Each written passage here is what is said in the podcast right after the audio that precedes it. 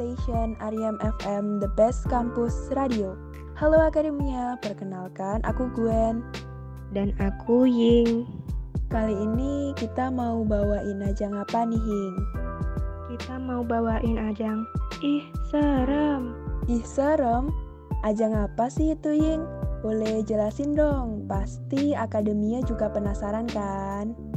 Jadi, Isarem itu adalah ajang untuk membahas hal-hal yang berbau horor atau mistis nih, Gwen. Wah, jadi kita mau cerita yang horor-horor ya, Ying. Anyway, kita punya tagline nih, Ying. Bagaimana, Ying? Au. Duh, dari tagline-nya aja udah serem banget ya. Iya nih, Gwen. Serem banget pastinya. Oh ya, sebelum ke cerita-cerita horornya, Buat akademia, yuk pantengin sosial media Riam FM untuk dengerin kisah-kisah menarik dan seru lainnya. Partner aku bakalan kasih tahu nih ke akademia. Silakan Ying. Oke, terima kasih Gwen. Buat akademia yang penasaran, stay tune terus di sosial media Ariam FM ya, yaitu Instagramnya di @ariamfmunes, Twitternya @ariamfmsemarang, Spotify Ariam FM, YouTube-nya Ariem FM Semarang, dan jangan lupa download juga aplikasi Ariem FM di Play Store ya. Wah, udah lengkap banget ya Akademia. Jadi langsung aja siapa nih Ying yang mau mulai cerita dulu? Dari Gwen dulu boleh? Oke, boleh. Dari aku dulu ya. Jadi ini ceritaku yang terjadi tiga tahun lalu, tepatnya di tahun 2018. Jadi gini, saat itu, aku sama temanku pulang sekolah berboncengan sepeda motor. Hari itu kami keluar dari sekolah menjelang maghrib karena kita berdua harus ikut ekstrakurikuler dulu di sekolah. Jarak sekolah ke rumahku itu lumayan jauh, jadi kita terpaksa saat azan maghrib pun masih di jalan. Kebetulan sebelum ngantar aku pulang, temenku ngajak aku mampir ke rumah neneknya dulu karena saat itu neneknya lagi sakit dan temanku ini belum jenguk neneknya. Terus-terus, kamu mau diajak nggak Gwen? Kan udah malam juga tuh. Aku iyain aja dan aku setuju. Karena kasihan juga kan nenek temanku ini. Singkat cerita, kita sama-sama pergi ke rumah nenek temanku. Dan ternyata rumah nenek temanku ini sangat amat terpencil. Rumahnya di ujung desa. Akses jalannya masih berbatu dan ditambah lagi penerangan jalannya yang sangat minim. Di sepanjang jalan aja, aku cuma lihat hanya ada 3 sampai 4 lampu yang menyala. Duh, pasti serem banget ya Gwen kalau panjang jalan tuh minim penerangan. Apalagi itu udah malam juga kan? Pastinya, Ying. Dan saat itu langit udah gelap banget kan, dan hawa dingin juga mulai terasa. Nah, tiba-tiba Pas kita mau lewat area pemakaman, suasananya juga semakin horor. Aku sama temenku nggak saling ngobrol, dan tiba-tiba kita diem. Padahal sebelumnya kita masih bercanda. Entah kenapa, malam yang sunyi semakin sunyi saat kita mau lewat makam itu. Ya ampun, serem banget Gwen. Pasti kalian berdua gak berani ngomong karena takut. Iya Ying, kita seperti sengaja terdiam. Dan tiba-tiba, pas udah sekitar kurang lebih 100 meter deket makam, aku nggak sengaja lihat ada sesosok putih berdiri menyender di sebuah tiang. Posisinya persis di bawah lampu. Dan sekilas, sosok ini seperti sedang menunduk. Seketika aku refleks buang muka dong. Aku juga menunduk takut dan bertanya-tanya, sebenarnya sosok apa sih yang aku lihat tadi? Terus-terus Gwen, kamu cerita ke temenmu nggak? Dia pasti juga lihat kan? Duh, pasti serem banget sih. Di dekat makam ada sosok putih berdiri persis di bawah lampu. Singkatnya, pas kita sampai di rumah nenek temenku, aku ceritain semuanya. Tapi, respon temenku ini aneh. Dia seperti mengalihkan topik pembicaraan. Tapi anehnya lagi, pas kita mau pulang, temanku ini memilih jalan berbeda dari yang kita lewati tadi. Artinya kita nggak lewat area pemakaman itu lagi, justru kami lewat jalan yang lebih jauh dan memutar. Dan kamu tahu nggak, Ying? yang buat aku kaget itu, pas kita sampai di jalan besar, di jalan yang lebih ramai, temenku cerita kalau sebenarnya dia juga lihat sesosok itu.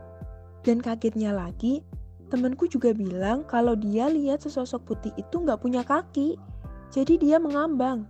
Dan mustahil kan itu bisa dilakuin sama manusia?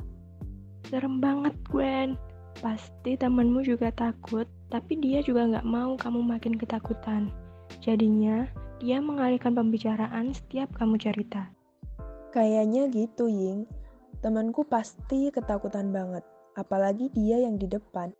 Ini jadi pengalaman horor yang gak terlupakan banget sih buat aku dan juga temanku. Dan menurut cerita dari orang-orang sekitar, mereka juga sering lihat sosok ini, khususnya saat menjelang maghrib atau malam hari. Sosok ini sering menampakkan diri khususnya kepada pengendara sepeda motor katanya. Kalau dari aku, itu sih cerita horor yang pernah aku alami. Kalau Ying sendiri, cerita dong pengalaman horornya. Pasti akademia juga mau denger nih. Aku juga ada cerita horor nih Gwen. Bukan pengalamanku sendiri sih, tapi pengalaman temanku. Wah, gimana tuh? Ceritain dong. Jadi, ini pengalaman temanku pas dia masih kelas 8 MTS. Nah, pas MTS itu, temenku tinggal di boarding atau asrama sekolahnya nih. Pas kelas 8 itu, gak tahu kenapa, dia sering kebangun di jam 1 atau jam 2an pagi tapi dia nggak berani buat sholat tahajud. Tahu nggak Gwen kenapa? Kenapa tuh? Kok sampai nggak berani buat sholat tahajud? Ternyata Gwen, temennya temenku tuh ada yang pernah lihat penampakan pas dia lagi sholat tahajud. Hah? Serius? Iya Gwen. Jadi, itu pas temennya temenku lagi sholat tahajud di kamarnya, dia tuh antara yakin gak yakin ngerasa kayak ngeliat penampakan pas di samping dia waktu dia sholat. Selain itu, pas temenku kebangun jam satuan tadi, dia tuh awalnya kayak ngerasa biasa aja gitu, denger ada suara orang yang bolak-balikin halaman buku. Suaranya tuh kayak gini. Dan itu tuh kayak diulang-ulangin terus gitu loh ada juga kayak suara pensil dilempar-lempar juga. Dan sumber suaranya sendiri itu dari samping kamarnya temenku. Awalnya temenku kayak mikir, ah palingan juga ini suara mbak-mbak yang lagi belajar. Dan bodo amat aja gitu loh Gwen. Terus-terus, gimana sama temenmu Ying? Terus kan, temenku udah ngerasa ngantuk nih. Dan suara buku tadi juga udah mulai hilang. Eh, malahan dia denger ada suara orang kayak lagi nyuci, lagi nyikat gitu. Dan yang bikin ngerasa aneh tuh ya, nyikatnya tuh halus banget, kayak serek, serek. Di situ temanku mulai deg-degan, apalagi gak ada suara air atau apa kayak normalnya orang nyuci. Eh tiba-tiba ada suara orang nyikat kan, halus banget lagi nyikatnya dan itu letak kamar mandinya ada di samping kamarnya dia.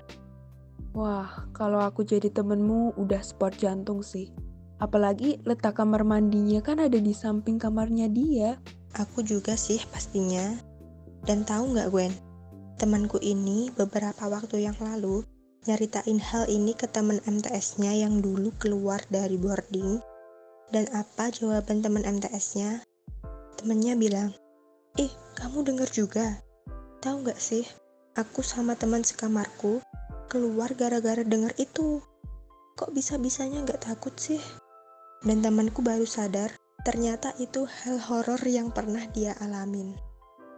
Ngeri juga ya Ying, setelah bertahun-tahun temenmu baru sadar ternyata yang dia alamin itu horor banget. Iya Gwen, aku pas denger ceritanya juga ngeri sih. Oke, thank you ya Ying udah berbagi pengalaman horornya sama aku dan akademia semua. Sama-sama Gwen, aku juga terima kasih sama kamu udah berbagi pengalaman horor juga. Kira-kira ada yang mau kamu sampaikan gak nih Gwen?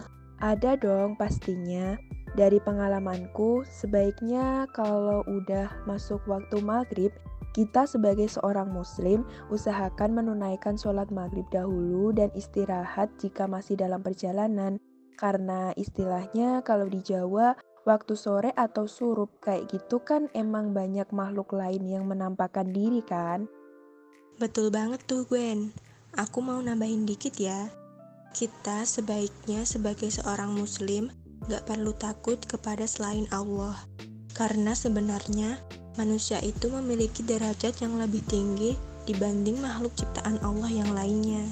Banyak banget pelajaran yang bisa kita ambil dari pengalaman yang kita alami ya Ying. Bener banget Gwen. Thank you juga untuk Akademia yang udah dengerin podcast Ih Serem sampai akhir. Semoga podcast ini bisa menghibur para akademia ya. Dan jangan lupa dengerin podcast lainnya dari Hari MFM. Sekarang waktunya kita pamit nih. Kami dari Ying dan Gwen pamit undur diri dan Viva Akademika. Akademika.